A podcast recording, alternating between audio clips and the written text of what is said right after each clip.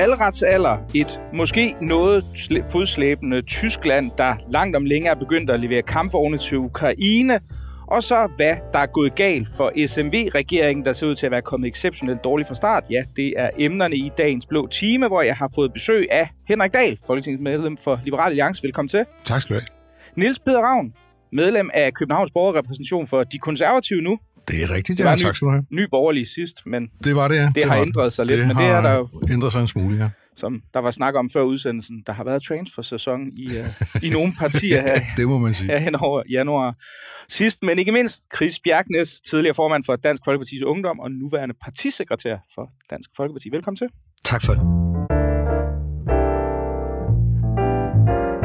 Hvis det står til Dansk Ungdomsfællesråd, så skal 16-årige snart kunne stemme. Det kan de nemlig i en række andre europæiske lande, og forklarer formanden for Dansk Ungdomsfællesråd, når unge som 16-årige kan blive straffet, tage kørekort og endda betale skat, hvis man har et arbejde, så skal vi som samfund også have tillid til, at de unge kan træffe et oplyst valg, når der skal sættes kryds i stemmeboksen. Og ja, det lyder jo alt sammen meget godt. Så hvorfor egentlig ikke, Chris? Jamen det er altså først og fremmest, vil jeg sige, det er jeg stærk modstander i. Øhm, egentlig hvis jeg skal være lidt på en mening, skal, øh, vil jeg egentlig mere sige, at man nærmest skulle hæve den, hvis man skulle gøre noget. Øh, jeg synes, vi skal låse den fast på de 18 år, som nu er på. Men øh, de skal jo mene noget ude i Dansk Ungdomsfællesråd, øh, og, og det er jo primært om unge mennesker, og, øh, og så er det jo ligesom for at få noget opmærksomhed på det her område. Jeg synes, det er rigtig godt, at der er en masse unge, der er engageret politisk og laver en masse forskellige, altså klimadagsordenen er de jo virkelig aktive i. Øh, man kan så diskutere øh, den måde, de øh, er aktive på i deres demonstrationer og alle de forskellige ting. Øh, det kan vi kigge en lille smule på, om, øh, om man øh, kan prøve at, øh, at i rette sætte det lidt øh, til tider. Men jeg synes ikke, at øh, unge mennesker på 16-17 år er klar til at tage stilling øh, på et øh, ordentligt oplyst grundlag øh, ofte. Øh, altså man er simpelthen ikke færdigudviklet nok til at kunne overskue alle konsekvenserne af det.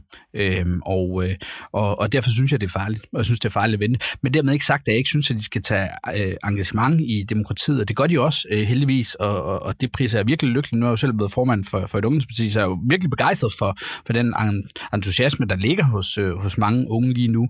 Øh, og så kan vi diskutere, hvordan de bruger kræfterne. Men, øh, men jeg er modstander af, at, øh, at der skal være valgret som 16-årig. Henrik, du er jo ungdommens utrættelige forsvar, så jeg antager, at du er langt større støtte af det her forslag, end tilfældet var i forhold til Chris Bjergnes.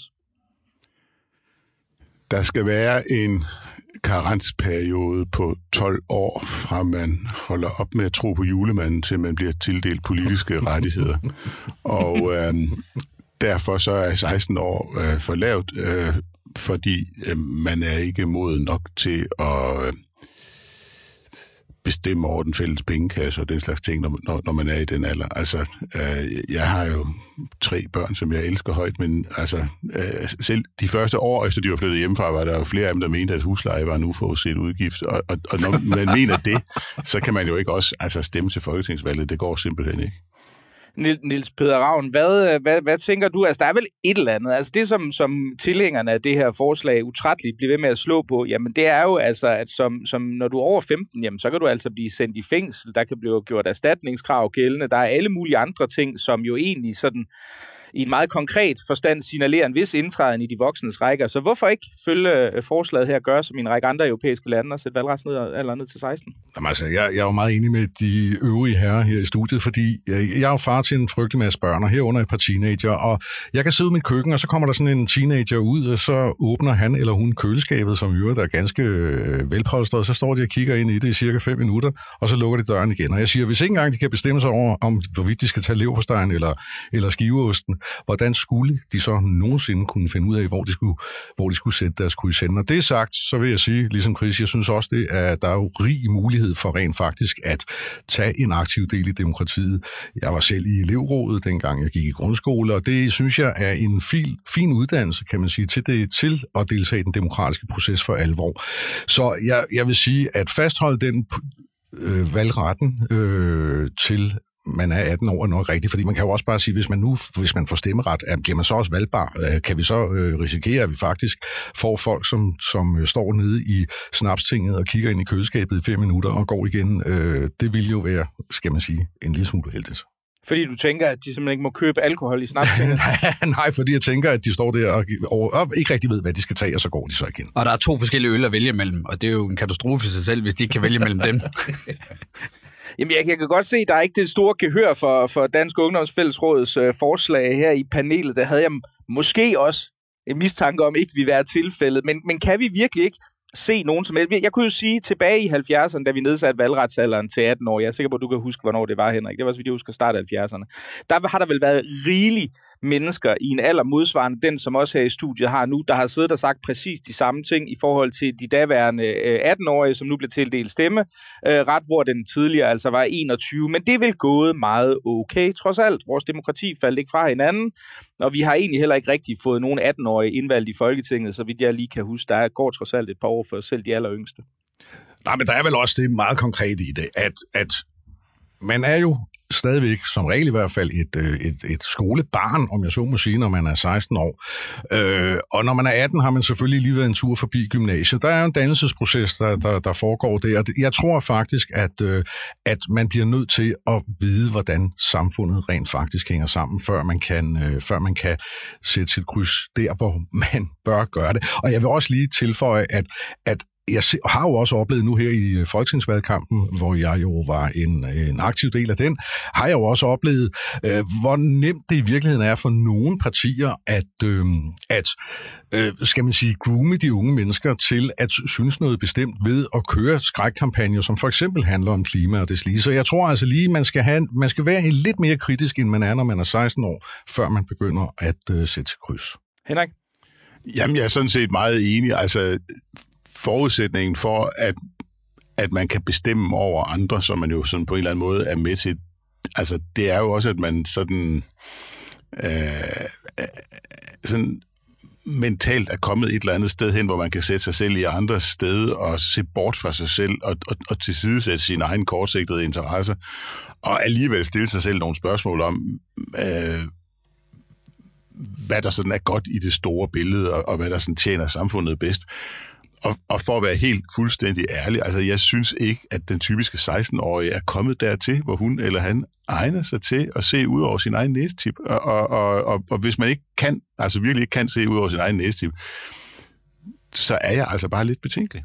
Men, men igen, som, som jeg nævnte før, at præcis alle de samme indvendinger kunne vel nævnes i forhold til 18-årige, som jeg vil gætte på modstandere af sænkningen af valgretsalderen der i 70'erne også advokeret. Og igen, det gik da meget godt. Gjorde det ikke det, eller hvad? Altså valgretsalderen blev jo sænket øh, til 18 år i 1979, hvis jeg ikke husker helt forkert. Øh, der, der, der er en afstemning i 69, hvor det falder med et brag det året efter 68, og der er, er de voksne ikke så meget for at give de unge øh, øh, alt for meget at skulle have sagt, fordi de har ikke gjort så god reklame for sig selv. Men så prøver man igen øh, 10 år senere. Men på det tidspunkt, der var alderen for, at man kunne få kørekort, og man anså, at det var sikkert at styre et, et, et, et motorkøretøj. Alderen for, hvornår man var myndig, altså måtte stifte gæld osv., osv. det var 18 år på det tidspunkt. Så det, der sker på det tidspunkt, er sådan set, at du justerer den, den, den politiske modenhedsalder ned til en modenhedsalder, der sådan set er der allerede, og som de fleste er enige om. Altså, at, at når, du, når du er 18, så er du sådan øh, moden nok til, at du kan styre en bil, der har 200 hestekræfter, og, og du, kan, du kan overskue, hvad der sker, når du, når du stifter gæld osv. osv. Der er også et spørgsmål om simpelthen mental udvikling. Jeg hørte en, øh, en pit-debat om, øh, om præcis det her emne for ikke så forfærdelig lang tid siden, og der havde de jo så repræsentanter for elevbevægelsen og en masse andre unge mennesker inde. Og jeg ved ikke, jeg synes, der er sådan fascinerende på en eller anden måde, sådan næsten Rousseau's dyrkelse af, af barnet eller den unge som sådan særlig indsigtsfuldt, naturligvis kombineret med det evige argument om, at det er jo de unge generationer, der skal arve den her klode, som alle vi boomer jo altså har udledt helt utrolig meget CO2 og dermed været øh, ansvarlige for den nært forestående dommedag.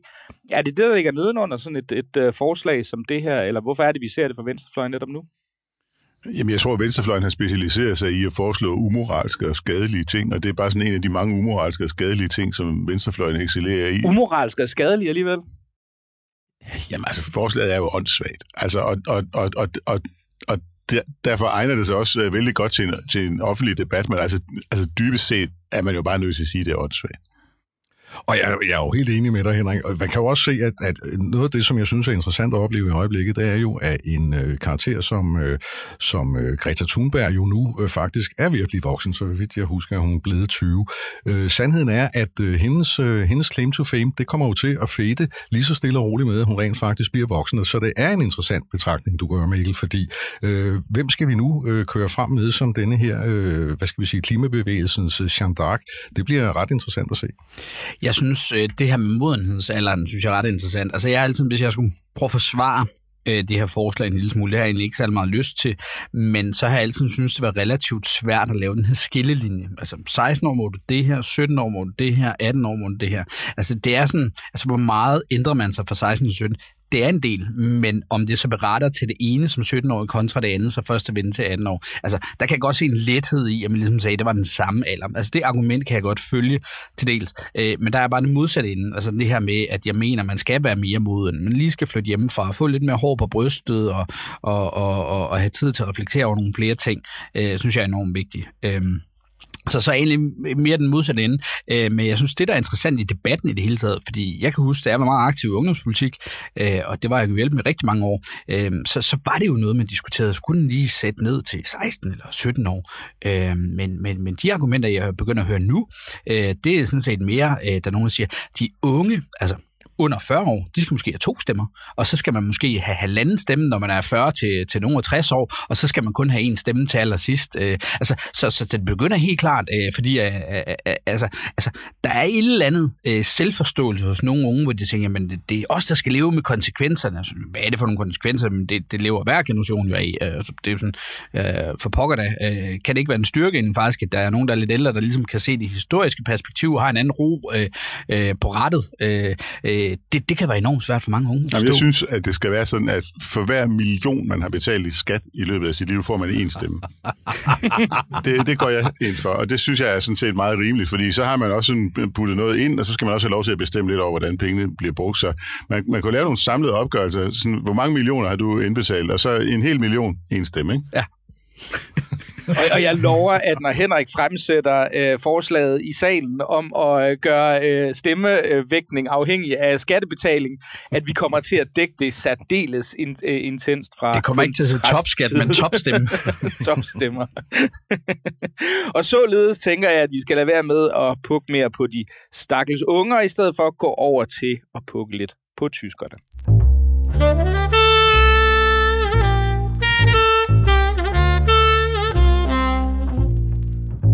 For nu er nogle af verdens bedste kampvogne, den tysk producerede Leopard 2, på vej til Ukraine, hvor den forhåbentlig vil vise sig afgørende i forårets ventede offensiver, uanset hvem der så ellers formår at lancere en sådan først.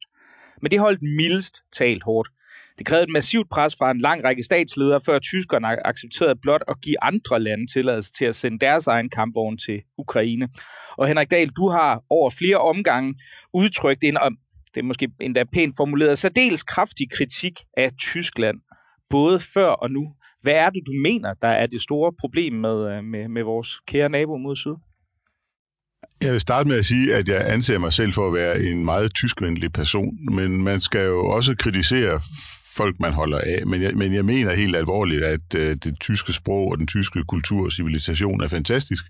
Og hvis man forestillede sig at man pillede tyskernes bidrag ud af en europæisk kulturhistorie, så ville der blive sådan en lille tynd pamflet tilbage. Så de har gjort utrolig meget godt, men øh, den politiske elite i Tyskland har haft det svært ved at finde ud af, hvordan Tyskland skal være i verden siden genforeningen. Fordi man kan jo egentlig sige, at Vesttyskland var jo et NATO-land, som vi havde rigtig meget at gøre med. Vi havde øh, nogle øh, brigader stående over i Jylland, som skulle rykke ned på den nordtyske slette og operere, hvis DDR var trængt ind i Tyskland osv. osv. Og, og dem havde vi meget øh, til fælles med. Men øh, efter genforeningen er det som om, at, at Tyskland bliver øh, utrolig øh, indadvendt og øh, kommer til at føre en politik, som på mange måder går ud over Europa og kompromitterer Europas sikkerhed. Øh, det tysk energipolitik har, for at være fuldstændig knusende ærligt, øh, været en trussel imod Europa. Øhm, det var derfor, øh, Trump-administrationen øh, satte den danske regering så meget under pres i 2018 øh, med Nord Stream 2, fordi det tyske synspunkt var, at det var et kommersielt projekt, og det amerikanske synspunkt var, at det havde sikkerhedspolitiske implikationer, og Nord Stream 2 skulle gå gennem dansk territorialfarvand syd for Bornholm. Og der lagde amerikanerne meget pres på den danske regering, som vi jo sad i på det tidspunkt, for at anerkende det amerikanske synspunkt. Og det var vi sådan set også med på. Og nu skal jeg nok blive færdig, så de andre kan komme til, men, men, men jeg, jeg var i, i, i april 18 var jeg i uh, Berlin med en parlamentarisk delegation. Og vi skulle ganske vist tale om noget andet, men Nord Stream 2 var oppe, og vi drøftede det med alle de politiske partier i forbundsdagen, og vi drøftede det med den daværende vice udenrigsminister, som var fra SPD. Øh, og de sagde alle sammen, at den her aftale er der ingen problemer i, og vi er tyskere, og vi forstår Rusland bedre end nogen andre. Det er en tysk specialitet at forstå Rusland. Det var den besked, vi fik. Og de siger, at Rusland øh, vil aldrig nogensinde svigte Tyskland. Det har de aldrig nogensinde gjort, heller ikke under den kolde krig. Og øh, øh det delegation, som jeg var i, tog jo simpelthen sig selv til hovedet og sagde, at det her projekt er jo farligt. Og det vi kan se i dag, det var, at, at Trump-administrationen havde ret, og det var et farligt projekt. Udover at kompromittere Europas sikkerhed, så har, for at være helt ærlig, så har øh, Tyskland også lavet et hånd om Ukraines sikkerhed. Altså, Minsk-processen er jo et eller andet finblad for ikke at gøre noget. Og jeg skal sige, Minsk-processen, det er en, en forhandlingsspor, der kørte op til invasionen her i, i 2020. Ja, eller som, undskyld, 2022. Og, ja, og som, og som bygget på, at russerne er sådan nogle mennesker, der holder meget af at tale sandt og stå ved de aftaler, de har indgået, og ikke har nogen øh, imperialistiske hensigter. Og det kan man jo også godt se nu, at, at det var jo sådan helt skørt. Øh, så min, min kritik går jo på, at, at der har været noget Chamberlain-agtigt over tyskerne i forhold til Rusland. Og efter krigen er begyndt, har der måske været noget Lord Halifax øh, over øh, tyskerne, fordi de er meget historieinteresserede kan huske, at da så krigen starter, så vil Lord Halifax lave en separat fred med øh, Nazi-Tyskland. Og dermed var han jo så klar til at lade Polen og resten af Europa i stikken, men, men det er jo det, han blev, hans politiske linje bliver nedkæmpet af Winston Churchill. Men der har jo også været folk, der vil lave en eller anden form for separat fred med, øh, med, med Rusland, og så måtte Ukraine betale prisen for den fred. Så jeg synes, Tyskland har optrådt meget, meget uheldigt, for at sige det mildt, i den her sag. Jeg vil godt lige øh, samle den op øh, der, hvor, hvor Henrik stopper ved øh, 2. verdenskrig, fordi det, man jo nok skal huske, det er, at der ligger jo noget i den tyske folkesjæl, øh, som jo øh, peger tilbage på 2. verdenskrig. Og man skal huske, at de her Leopard 2 kampvogne, som vi taler om, og som øh, er hyldet for at være nogle af verdens bedste, jo er en efterkommer efter de Tiger Tanks, som jo bulrede afsted mod Østfronten i 2. verdenskrig. Og derfor så er det min opfattelse, at der er rigtig mange tyskere, som er noget lorende ved, at øh, nu skal tysk øh, isenkram af den højteknologiske øh, slags til at bulre imod russerne igen, uagtet selvfølgelig, at jeg er fuldstændig med på, at selvfølgelig skal Ukraine have alt den støtte, de overhovedet kan få. Men jeg kan godt forstå, hvis der i folkedybet i Tyskland er en vis skepsis over for at, øh, at sende våben afsted, øh, fordi ja, det virker jo som en historie, der gentager sig. Altså, der er jo ingen tvivl om, at, øh, at, at, at vi rykker jo et skridt tættere på mange forskellige niveauer. Nu er det ikke bare hjelmene og nogle varme trøjer og sokker, vi sender afsted og lidt mad. Øh, nu er det jo ligesom kampvogne, det er noget andet. Tyskland har deres historie, det er der ingen tvivl om. Øh, ikke at jeg ikke kan forstå argumenterne, og det, det er jo også noget, vi begynder at stille øh, lidt bekendtskab med nu i Danmark. Jeg hørte Peter Viggo Jacobsen i går på Radio 4, øh, som også forklarede, at øh, det er jo virkelig nyt, det er højteknologisk, og man er jo enormt bange for, at det så vil falde i russernes hænder. Ikke? Øh, og det er ikke, fordi jeg ikke forstår argumentet, men jeg synes godt nok også, det er meget bemærkeligt, at man har noget øh, teknologi, man har nogle våben, der er så nye, at man ikke tør at bruge dem i krig, fordi ting nu, hvis de rører mod tænder. Altså, altså, jeg kan godt forstå idéerne i det, men, men, men jeg synes alligevel også, det er en lille smule halvtosset, øhm, og, og der er jo ingen tvivl om, at det danske forsvar er ikke særlig interesseret. Vi er jo heller ikke, altså vi har jo heller ikke ret meget, altså det er jo virkelig altså, for, for at bruge ordet bumpet tilbage, altså, vi, vi mangler penge til forsvaret, og, og det, det, det er nok mere en stor bededag, man skulle afskaffe, for, for det virkelig polstret i morgen, ikke? Øh, og, og det er jo, tager det også tid og uddannelse øh, for dem her at sende afsted. Men der er jo ingen tvivl om, at, at at det her det er et spørgsmål, vi skal tage enormt alvorligt. Altså fordi det er kampvogn nu, vi snakker om. Det er fly om lidt. Altså det, det er altså noget, der rykker tættere på. Øh, så så det, det, det kan godt være, det, det er det små, men det er meget principielt. Henrik? Jeg bliver irriteret på tyskerne, for at være helt ærlig, når de gør gældende, at de har en særlig historiebevidsthed. Fordi så langt rækker deres historiebevidsthed jo heller ikke, fordi øhm, det er jo rigtigt nok, at i juli 1941, der invaderer Tyskland Sovjetunionen. Men hvis man ser på et kort, så invaderer de Hvide Rusland og Ukraine, og de invaderer de baltiske stater, og de når ikke særlig langt ind i Rusland. Det er kun oppe i øh, øh, den nordlige herregruppe, der når de ind i selve Rusland.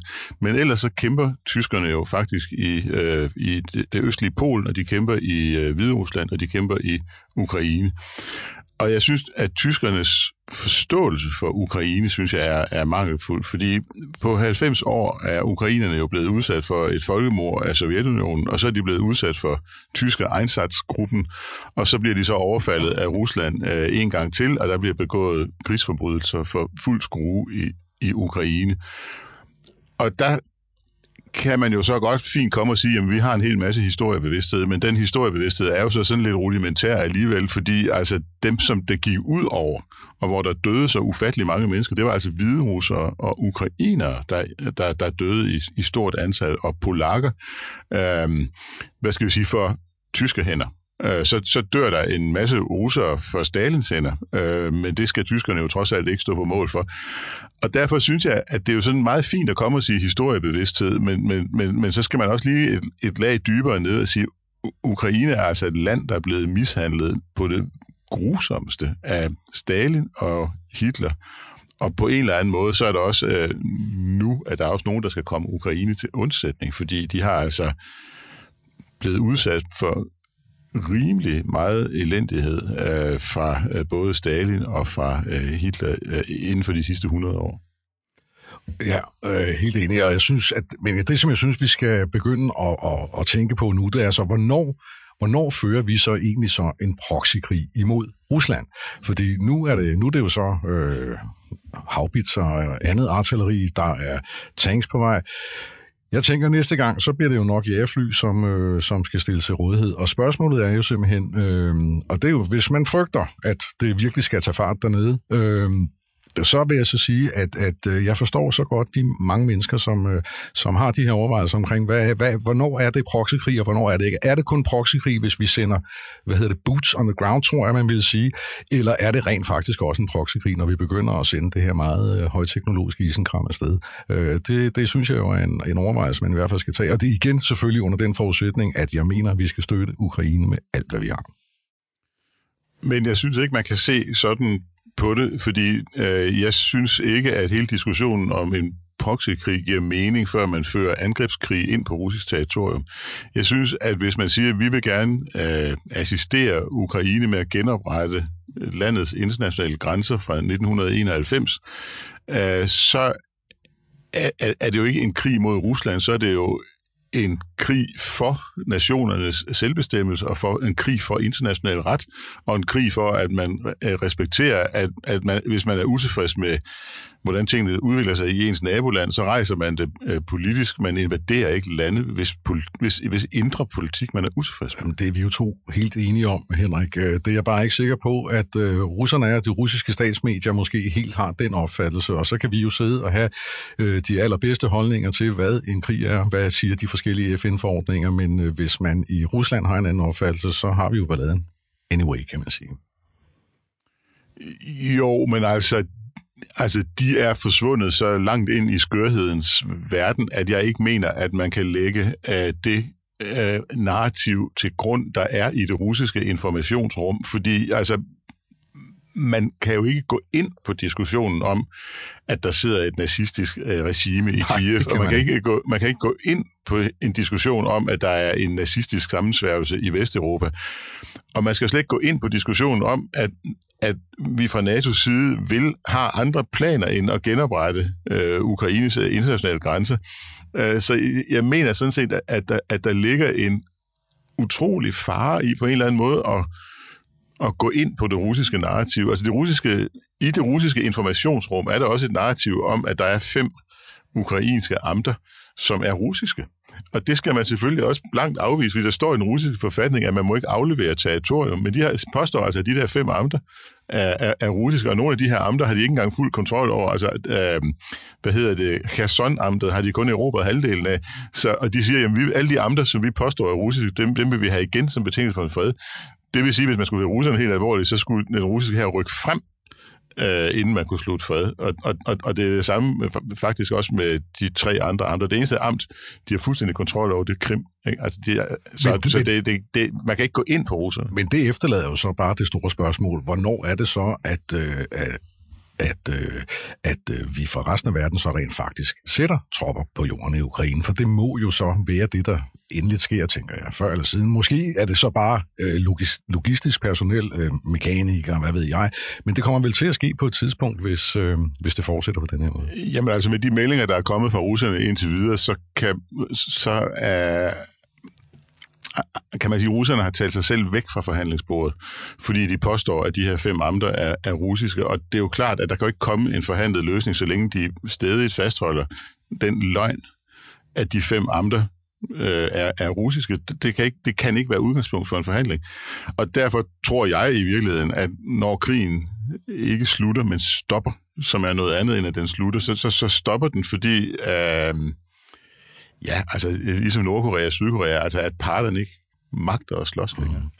Henrik, en, en enkelt ting, bare lige for at dreje det tilbage på, på det lidt mere tyske spor øhm, her, øh, mens øh, lidt før vi optager det her, jeg sidder i gang med at lave en større podcast om en anden del af den tyske historie end, øh, end Goethe, Schiller, Bach og Beethoven, som du nævnte som nogle af indslagene i den, den europæiske kulturarv. Altså, det, det handler om Auschwitz. Og når jeg ser det fra det perspektiv for at vende tilbage, så må man jo sige, at i historien om det tyske bidrag til, til Europas historie, så fylder der nok, er der nok også et par sider der. Kunne man ikke undskylde, hvad kan man sige, tyskernes modstand mod at engagere sig i de her krigshandlinger, med at vi nu har brugt 70 år på øh, og det har de jo også i høj grad selv, at pålægge sig skyld for de ting, der foregik den, de, på det her tidspunkt, hvor man sendte store tropper øh, ind i, øh, i Sovjetunionen, tanks, undskyld, kampvogne, kampvogne, det var en journalistfejl det der, ind i, i Sovjetunionen, påmalet Wehrmachts flag, og så så man, hvad der skete efterfølgende. Kan, kan du ikke mønstre en, en anelse af forståelse for tyskernes øh, situation i den her ting? Altså, er, er det nu igen os, der skal være primus motor i en europæisk storkrig? Egentlig ikke, øh, fordi øh, arvesøn er jo et øh, teologisk begreb. Altså, der er jo ikke en politisk arvesøn, og, og historien gentager sig jo faktisk ikke. Øh, og hele den her idé med, at, at, øh, at Ukraine og Hviderusland skal være, lægges ud til landbrugsjord, og så skal man slå den befolkning, der er der i forvejen ihjel, for så kan tyske landmænd rykke ind i Ukraine, og så kan de brødføde industricentrene over mod vest, osv. osv. Det er jo historisk egenmarlig. Det er jo ikke det, sagen handler om her. Altså her, der handler sagen om, at i den del af Europa, der ligger populært sagt øst for 30-årskrigen og vest for Rusland. Altså, der er fred lige med at være fri for Rusland. Nu havde vi jo den her øh, afstemning om, øh, om det danske forsvarsforbehold øh, sidste år, og øh, der kunne det jo være et relevant spørgsmål at, at rejse. Har den adfærd, vi siden da har set fra, fra Tyskland, øh, været noget, som er hvad kan man sige, befordrende for tiltroen til, at Tyskland eventuelt i samarbejde med Frankrig kan ende med at blive central i, i et alternativt forsvarssamarbejde til vores NATO-alliance, som der jo er nogle enkelte i hvert fald i Europa, der går og drømmer om, og sågar også hvis nogen i Danmark. Skal jeg svare på det? Altså, som Den var ud til... Ja. til ja. ja. Altså, det håber jeg jo ikke, vil jeg sige. Det, jeg, jeg synes jo øh, som udgangspunkt, at det er fint med en eller anden form for forsvarssamarbejde inden for, for EU. Men jeg synes jo stadigvæk, at øh, vi skal lægge vores æg i den kur, der hedder NATO, fordi det trods alt stadigvæk er USA, som er vores øh, vigtigste allierede, og øh, sådan er det jo sådan set også for langt de fleste andre europæiske lande. Jeg synes, det var enormt vigtigt, hvis vi havde holdt fast i vores forbehold. Øh, jeg synes, NATO er enormt vigtig. Øh, jeg synes, vi står i en brydningstid på, på rigtig mange områder øh, i øjeblikket, og jeg synes helt klart, at det vigtigste emne lige nu i, i Folketinget, det er jo ligesom det, vi kan prøve at ændre noget ved.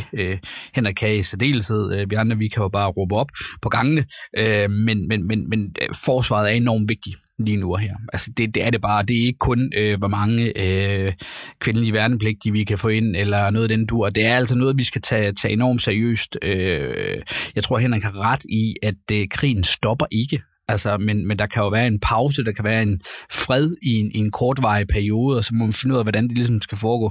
Men, men, men det her, det er ret alvorligt. Øh, og, og det er ret alvorligt, vi har øh, ikke styrket det danske forsvar i så mange år, øh, og, og det er der mange partier, øh, som, som har et ansvar for, øh, men, men det er også ret alvorligt, øh, hvordan Tyskland øh, reagerer lige nu. Øh, det må man bare sige, og, og derfor er jeg også ret nervøs altså, omkring det her Altså, det vi havde den der forbeholdsafstemning, altså der endte vi jo ikke, at, at, at Tyskland ville regere, som Tyskland regerer, så var det jo, altså, så var resultatet også blevet noget andet, fordi altså, det, det har været en helt anden diskussion at have.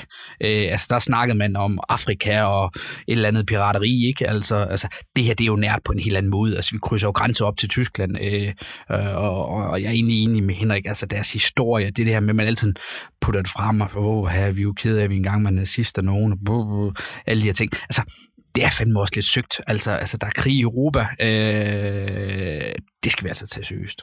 Altså, jeg synes, Frankrig og Tyskland, de er for kyniske, og jeg savner øh, Storbritannien i EU til at afbalancere øh, Frankrig og Tyskland, fordi Altså, når det kommer til stykket, så sker det bare lidt for ofte, at Frankrig og Tyskland meler sin egen kage, og det har, de har også melet deres egen kage sikkerhedspolitisk, fordi de har forestillet sig, at, at øh, den her krig ville blive overstået sådan ret hurtigt, og så ville det være business as usual, og så kunne man fortsætte med at have sine handelsforbindelser med øh, Rusland, man kunne fortsætte med at købe energi osv. osv. Og, og den kynisme, den kommer jo så til at gå ud over landene i Østeuropa. Og Storbritannien har jo historisk været en stormagt, øh, som kunne øh, modbalancere Tyskland og Frankrig og sige fra over for øh, nogle af de værste sådan vildskud i, i deres politik. Det ser jo ud som om øh, Polen sådan kan man sige, gør sig til gør, er sådan storebror blandt de der frontlinjestater, som er øh, Finland, Estland, Letland, Litauen. Polen har jo sådan en lille grænse ind til Rusland ved Kaliningrad, øh, og har en masse historiske erfaringer med Rusland. Og der synes jeg, at Polen sådan set spiller en god rolle, og jeg håber, at Polen på den måde kan øh, med sin pragmatiske indstilling og med sin mere pragmatiske forståelse af, at Rusland er et farligt land for sine naboer, øh, kan afbalancere øh, den kynisme, som der også er i Tyskland og Frankrig. Der er måske også et spørgsmål i, at hvis, hvis Tyskland, øh, som mange beskylder det for, er, er ekstremt fodslæbende, jamen hvad er Danmark så egentlig? Fordi man må jo trods alt give tyskerne, at man kan selvfølgelig sige, at de har en stor befolkning, men de er jo et af, et af de lande, som har lovet mest hjælp af forskellige, øh, altså i, i absolute tal økonomisk set til, til Ukraine. Hvor meget der så er blevet leveret, kan man altid diskutere. Og ikke nok med det, de står jo også i den situation, at de faktisk planlægger at ramme de her 2% af bruttonationalproduktet brugt til forsvar, som en række europæiske og andre lande forpligtede sig på i tilbage i 2006. Det kommer de til allerede i 2024, måske 2025. Danmark øh, er jo efter vores angiveligt meget ambitiøse nationale øh, kompromis, og så, så fremrykningen efterfølgende, der vil vi jo have en tilsvarende forbrug omkring 2030. Altså Danmark er vel også i den sammenhæng en relativt pinlig aktør, eller hvad tænker du, Henrik? Danmark har været ubehageligt kynisk. Øh, og øhm, man kan ligesom sige, før Scholz holder sin store tale den 27. i 222, der er Tyskland jo også utroligt fodslæbende, fordi de har jo også skrevet under på Wales-erklæringen i, i 2014 om de 2 procent, og så de holdt sig på halvanden. Og vi har altid bare lagt os i skyggen af øh, Tyskland, fordi de er storebror. Og alle ved, at hvis man skal hejse sin lille søster op i flagstangen, så skal man få sin storebror med, fordi så er det ham, der får skæld ud, og så er det ikke en selv. Og, og der har vi jo sådan lidt bare sørget for, at det var tyskerne, der fik skæld ud, og så er vi sådan gået fri, fordi vi var lillebror i, i, i det forhold. En enkelt ting, Henrik. Fangede du mig lige en fejl der? Jeg sagde 2006, man havde forpligtet sig ja, det er 14, til... Det er 14, men, men, det øh, beklager jeg meget. Så ja. det var meget diskret, at der ikke har påpeget det direkte. Jeg synes egentlig på mange måder også, at Danmark har været enormt naiv, og, og vi har jo været rundet af, at der har været en, øh, en fred i Europa i lang tid, og men på den måde så har man jo bare tænkt, jamen 2 procent, ja, jamen, det skal vi det nok, det er det eller andet, vi har skrevet under på, men, men det er da ikke lige så vigtigt som at leve op til nogle klimamål, eller alle mulige forskellige andre mål. Altså, det er jo en konkret udfordring, vi har lige nu her, der er fred i Europa, så, så det her med at have et øh, styrket forsvar og sikre, at NATO er, er intakt, og alle lande ligesom forpligter sig til noget, det betyder ikke lige så meget. Øh, der synes jeg, vi har været meget, meget naive. Det må jeg, jeg, jeg, altså, jeg vil bare sige, jeg, jeg synes ikke engang, vi er naive. Jeg synes, vi er kyniske, og jeg synes, det er ubehageligt, at vi er så kyniske. Altså, at vi bare simpelthen som en typisk dårlig betaler, øh, bare øh, lader, lader girokortet ligge og ignorerer rykkerskrivelserne, og det, det er virkelig provokerende. Jeg er helt enig med dig, Henrik. Det er nemlig kynisk, og jeg synes jo, at, at lige nu bliver det jo så også udstillet meget, meget tydeligt, hvad det så rent faktisk er, vi har i værktøjskassen og kunne gøre godt med, når der bliver bedt om det. Øh, og jeg håber vi Gud i himlen, at øh, vi oven på den her, øh, den her episode også får set på vores flåde, som altså Danmark er en søfartsnation. Vi har de facto ikke nogen flåde mere. Vi har hele Østersøen, som jo virkelig er en øh, øh, øh geopolitisk er en kæmpe risikozone, og hvad kan vi gøre? Intet, øh, som det er nu. Så jeg håber virkelig, at, øh, at, at politikere på Christiansborg virkelig vågner op nu og lugter kaffen, fordi øh, ja, det er kynisk, at vi ikke har gjort det før. Nu du selv introduceret kynisme, Henrik. Altså, jeg, jeg kan jo ikke lade være med at sidde og tænke, Altså, nu, nu, vi taler jo reelt om, at vi når op på 2% i 2030. Det er så klart, at der kommer nogle investeringer, der bliver lavet i de kommende år. Men jeg kan ikke lade være med at sidde med en mistanke om, at der måske kunne være enkelte, som tænker, ja ja, lad os nu se, hvor lang tid den krig varer, og lad os lade være med at gøre noget drastisk i forhold til for eksempel at forhøje indkaldelsen af, af, af rekrutter til, eller værnepligtige, for det kunne jo gå ud over arbejdsreserven, og lad os lade være med at bruge alt for mange af de her dejlige penge, vi også kunne kanalisere om til velfærd. Lad os skyde det lidt ud i fremtiden, og så kan det jo være, at vi kan indkassere de midler, vi har allokeret som en slags fremtidig fredsdividende. Er det det, du tror, der sker? Altså, kynismen fra dansk side ligger jo i, at man optræder som gratist. Altså, øh, og, og, og det er jo sådan et argument, som, som jo ikke holder. Altså, altså, det, det er jo, altså det er også derfor, folk tisser i svømmebassinet, fordi de tænker, der kan jo ikke være særlig meget tis ind i mig. Ikke? Men altså, men hvis alle gjorde det, så ville det jo bare være et ret stort problem. Ikke? Og det er også derfor, man snyder med alt muligt andet. Ikke? Altså, og vi er jo bare sådan nogle, der tisser i svømmebassinet og snyder som bor på S-toget og, og, og gør ved, fordi vi ikke er så store og tænker, jamen, så, så sker der ikke noget. Men at opføre sig som gratist, altså det er jo simpelthen så umoralsk og så kynisk, at det er ikke til at holde ud at tænke på. Og så skal man have fundet ud af, hvordan man egentlig går det op øh, med de her 2%. Altså, vi skal op på de 2%, det er enormt vigtigt, men man skal finde ud af i NATO, hvordan er det helt præcis, vi går det op? Altså, tager man pensioner med og lønninger Altså, hvordan er det helt præcis, det er det er skruet sammen? Det skal man også have fundet noget fælles fodslag omkring. Det, det er der ingen tvivl om. Og så tror jeg heldigvis, at vi kan se frem til nu øh, nogle generationer, som jo, altså fordi man kan huske med min egen generation, jeg var inde i trøjen i, i 80'erne, sidste halvdel af 80'erne, øh, i, øh, med utrolig forældet udstyr. Det var helt sindssygt allerede på det tidspunkt. Men jeg håber jo så også, at vi ser nu en, nogle ungdomsgenerationer, som rent faktisk så øh, maner sig op og tænker, hey, jeg vil faktisk gerne ind og og aftjene min værnepligt, øh, fordi jeg tror faktisk, at, øh, at det vil også være med til at skabe en nationalfølelse, som vi godt kunne trænge til. Og med den forhåbning og billedet af Danmark som en i forsvarspolitisk henseende svømmebassins tisser, så tror jeg, vi lægger det emne ned.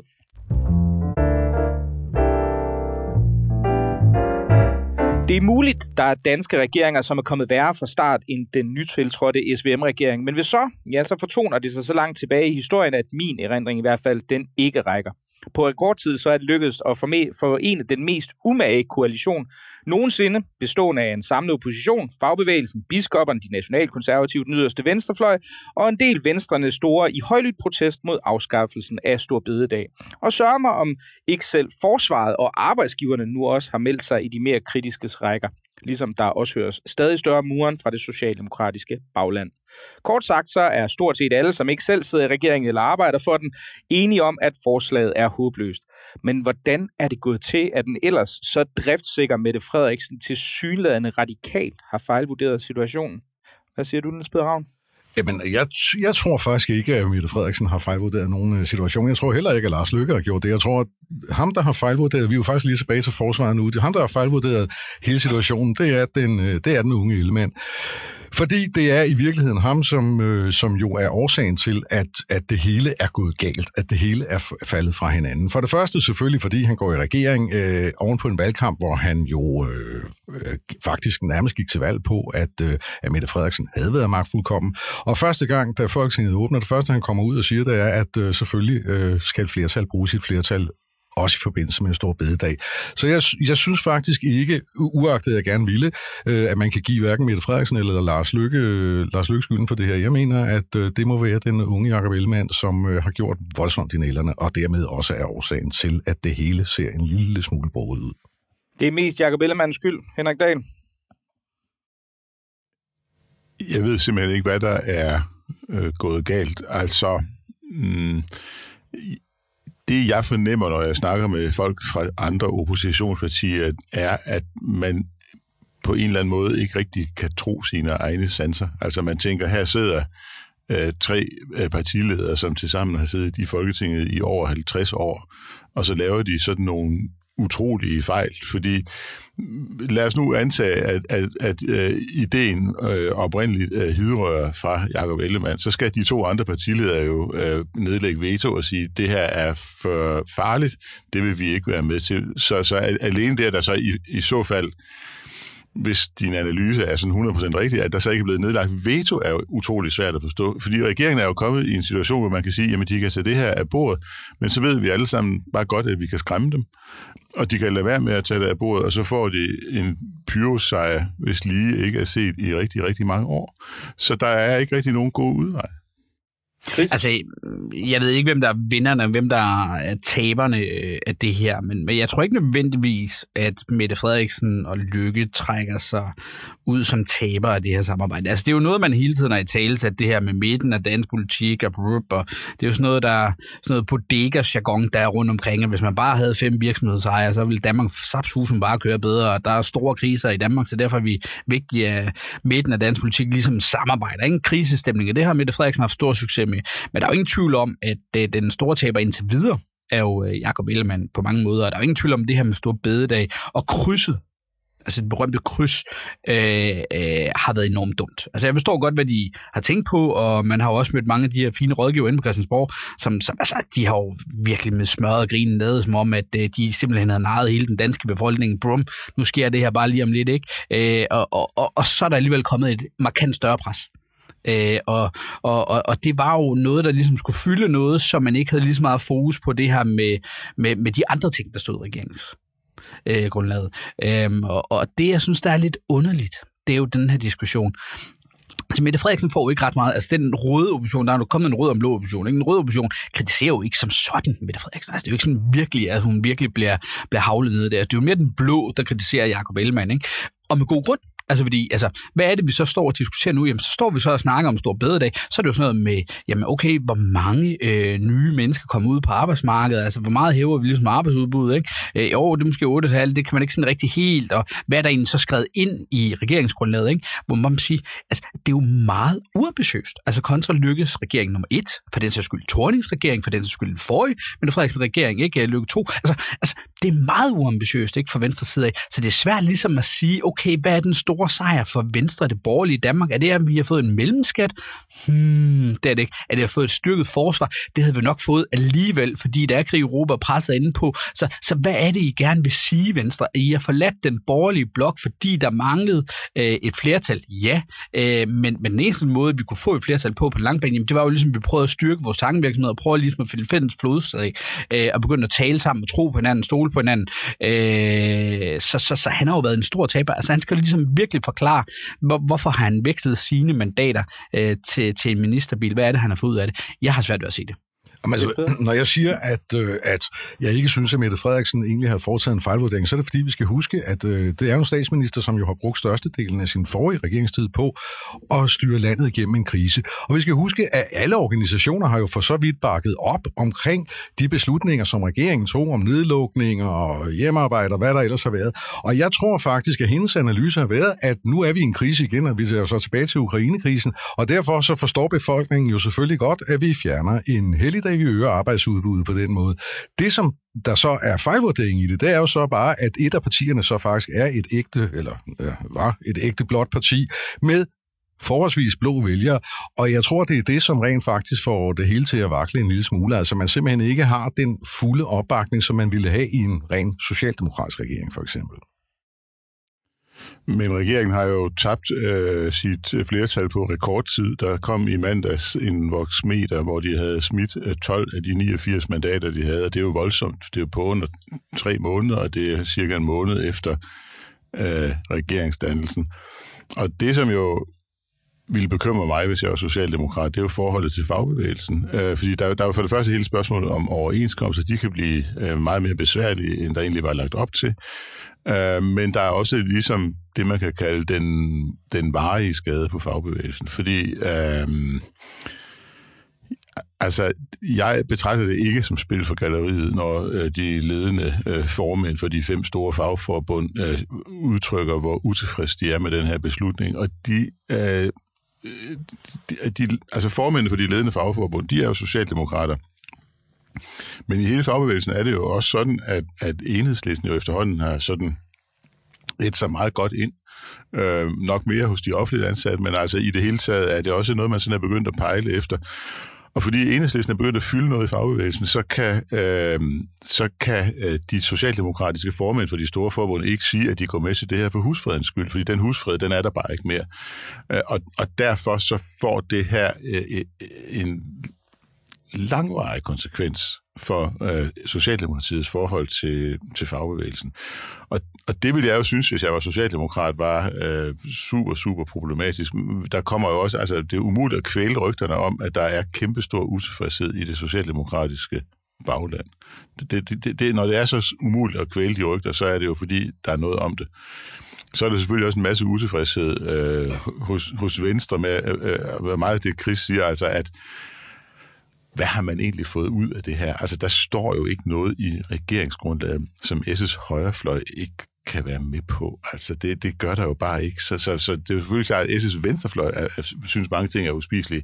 Men altså, sådan i Metallerforbundet og nærmeste omvej, der synes man jo ikke, det er så slemt. Altså, det, så vi har ikke fået så meget ud af men der er vel også, altså jeg, jeg kan huske i, i sidste uges weekendavis, der var der en reportage, hvor øh, nogle af avisens journalister var fuldt i hælene på den gode Frederik Vad, der er tidligere formand for øh, DSU, Socialdemokraternes Ungdom, og nu netop indvalgt til, til Folketinget. Han var så på en tur rundt omkring i, så vidt jeg husker, Holbæk. Slagelse.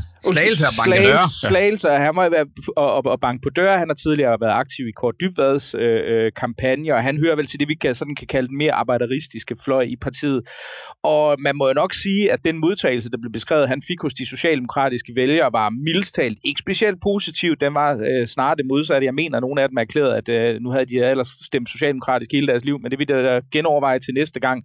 Og man må nok også sige, uden jeg skal være alt for ond, at, at den gode Frederik Svade egen overbevisning, som den blev fremlagt i artiklen, var måske heller ikke entydig. Og samtidig kommer der jo så det her med, en tidligere socialdemokratisk rådgiver, hvis navn jeg har glemt, der skrev en længere artikel i, i Altinget, der går ind og siger, jamen prøv at det her kan være rigtig, rigtig, rigtig giftigt for Socialdemokratiet, fordi man risikerer altså at tabe de vælgere, som man har fået hed over i sin tid fra Dansk Folkeparti, men som går meget op i arbejdstid og meget op i, øh, hvad det hedder, altså hvor, hvor lang tid man skal være på arbejdsmarkedet, og hvor meget man skal arbejde. Og de kan, de kan blive fjernet af det her. Det er da klart, at internt i S begynder man at spørge sig selv, om det her smager af 98. Fordi i, 8, og det er i 98, der går Poul Nyrup til valg på, at han ikke vil ret så meget som en bisætning i de regler, der gælder for efterlønnen, og så laver han et, et kriseindgreb, hvor han barberer den ned til nærmest ingenting. Øh, og det bliver jo taget ned selvfølgelig som det helt store øh, løftebrud, og, og da der så øh, er folketingsvalg tre et halvt år senere, så har folk jo bare ikke glemt det, og S lider et øh, historisk nederlag til uh, Anders Fogh uh, i, i, i 2001. Og der er jo ikke nogen, der siger, at det her er 98, men det er jo klart, at man jo nok internt i S begynder at sige, er vi på vej mod sådan noget, der ligner en 98-situation? Altså, jeg, jeg, jeg er sgu ikke enig, men, men, men, øh, men, men, men, men jeg må bare erkende, at jeg håber, du har ret. Øhm, øh, øh, øvrigt var Frederik Vads øh, svar øh, på, øh, på spørgsmålet for de utilfredse borgere, det var jo, at øh, det var det, man kunne blive enige om, øh, hvilket jeg øvrigt synes var ret interessant. Øh, og det er jo også ret interessant, når man spørger de her mennesker, men hvem, hvem, hvem fandt så på det? Øh, det er der sgu ingen, der vil, øh, vil være ved. Øh, så, så større sejr er det trods alt heller ikke øh, for dem. Øh, der er jo ingen tvivl om, at det her med fagbevægelsen, det er jo rigtigt, det er jo bøvlet, og det har altid været bøvlet for Socialdemokrater, øh, må man jo tilstå, og det tror jeg også, det vil være for alle os andre, hvis vi skulle bøvle med dem. Øh, og, og der er der uenighed i den socialdemokratiske gruppe og bagland, og det skulle da også klart, de har lige siddet på et etpartis regering, alle kunne fandme blive minister, ikke? Øh, og, og nu er folk, der endelig øh, har, har, har siddet i Folketinget i, i en-to valgperioder og stået op i træningslokalet, og virkelig ført sig frem og skrevet en enkelt lille pamflet af en bog. De er fandme blevet minister, ikke? Og så er de fandme røget tilbage nu i folketingsgruppen og skal være ordfører for, for post og, og ammerhylder og alle mulige andre ting. Altså det de skulle da være pisse utilfredse med. Det kan man sgu da godt forstå. Øh, og, og, lige pludselig så er der kommet folk fra Moderaterne, der er blevet minister, ikke? som man aldrig nogensinde har set i Folketinget, som ikke er en en skid. Det kan jeg godt forstå den utilfredshed i. Men jeg tror ikke, at Mette Frederiksen Socialdemokratiet kommer til at altså, tabe så vanvittigt meget alligevel. Altså 12 mandater, altså, det, det, det har vi før prøvet Dansk Folkeparti at tabe, og det har man kunnet overleve alligevel. Øh, og det er trods alt tre partier, der deles om det lige nu. Øh, det vi kan se lige nu, det er jo, at at, at der, der skal ske noget i enhedslisten, det er der jo ingen tvivl om, men SF samler det jo rigtig klogt op og godt op. Altså, de er virkelig godt kørende, det må man bare sige, ja. ikke? Og, og det er jo irriterende, altså nu er du medlem af det konservative folkeparti, ikke? Men altså, det, det er jo og det er som, Ravn, ja, på. Øh, og, og, og det, er jo, det, altså, det er jo som om, at, at dem, der har haft størst, størst succes på mange områder i dansk politik øh, de seneste år, det er dem, der har været mest stille øh, i lange perioder. Det synes jeg, altså, da konservative var store og stærke, altså, så sagde de jo stort set ingenting. Øh, og jeg synes heller ikke, SF siger særlig mange ting, men alligevel formår de at samle noget op, og de altså også dygtige med Jakob Mark og Hynge, og det, er, det, det er en god due, øh, der er omkring det. Så jeg er ikke så nervøs, hvis jeg var socialdemokrat. Det er jeg sådan set ikke. Øh, men, men det er klart, der er nogle rystelser, der er noget, der skal falde på plads, hvor man kan mere sige, der, der er stabilitet på venstrefløjen, hvor øh, på højrefløjen er det jo bare anderledes. Altså, vi kan jo ikke finde os ordentligt til rette, for at det konservative folkeparti har fundet ud af, om øh, Pape skal være formand, eller han ikke skal være formand. Øh, Lars Bøje skal overtage partiet, se hvad der kommer til at ske der. Vi skal begynde at snakke sammen og begynde at have en fælles plan for, hvordan er det, vi får Europa magten på den lange bane. Og så må man jo se med Moderaterne. Altså, det kan vi jo, altså, det vil vi ikke have over, men vi har over, hvordan vi kan lave et samarbejde øh, i den borgerlige lejr. Det skal vi til at gøre. Og hvis der ikke var flere indspark, så tror jeg, vi lukker dagens udsendelse med disse ord øh, og den opfordring. Tusind tak, fordi I kom. Henrik Dahl, Niels Peder Ravn og Chris Bjerknes. Tak, fordi vi måtte. Ja. Det var alt, hvad vi havde for den blå time i dag. Mit navn, det er Mikkel Andersen, og husk som altid, at hvis du har været så det, du hører, så er det Kontrasts medlemmer, der betaler for kildet, så ind på kontrast.dk-medlem og bliv betalende medlem nu. Tak fordi du lyttede med.